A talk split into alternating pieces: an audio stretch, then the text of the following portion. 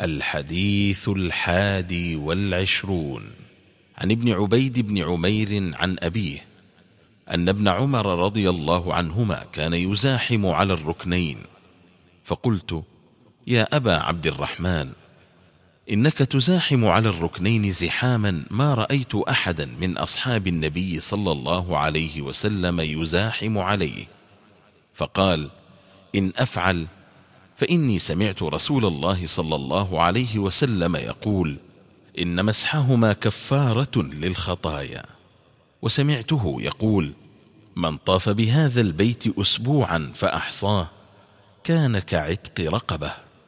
وسمعته يقول لا يضع قدما ولا يرفع أخرى إلا حط الله عنه خطيئة وكتب له بها حسنة. أخرجه الترمذي وصححه الألباني.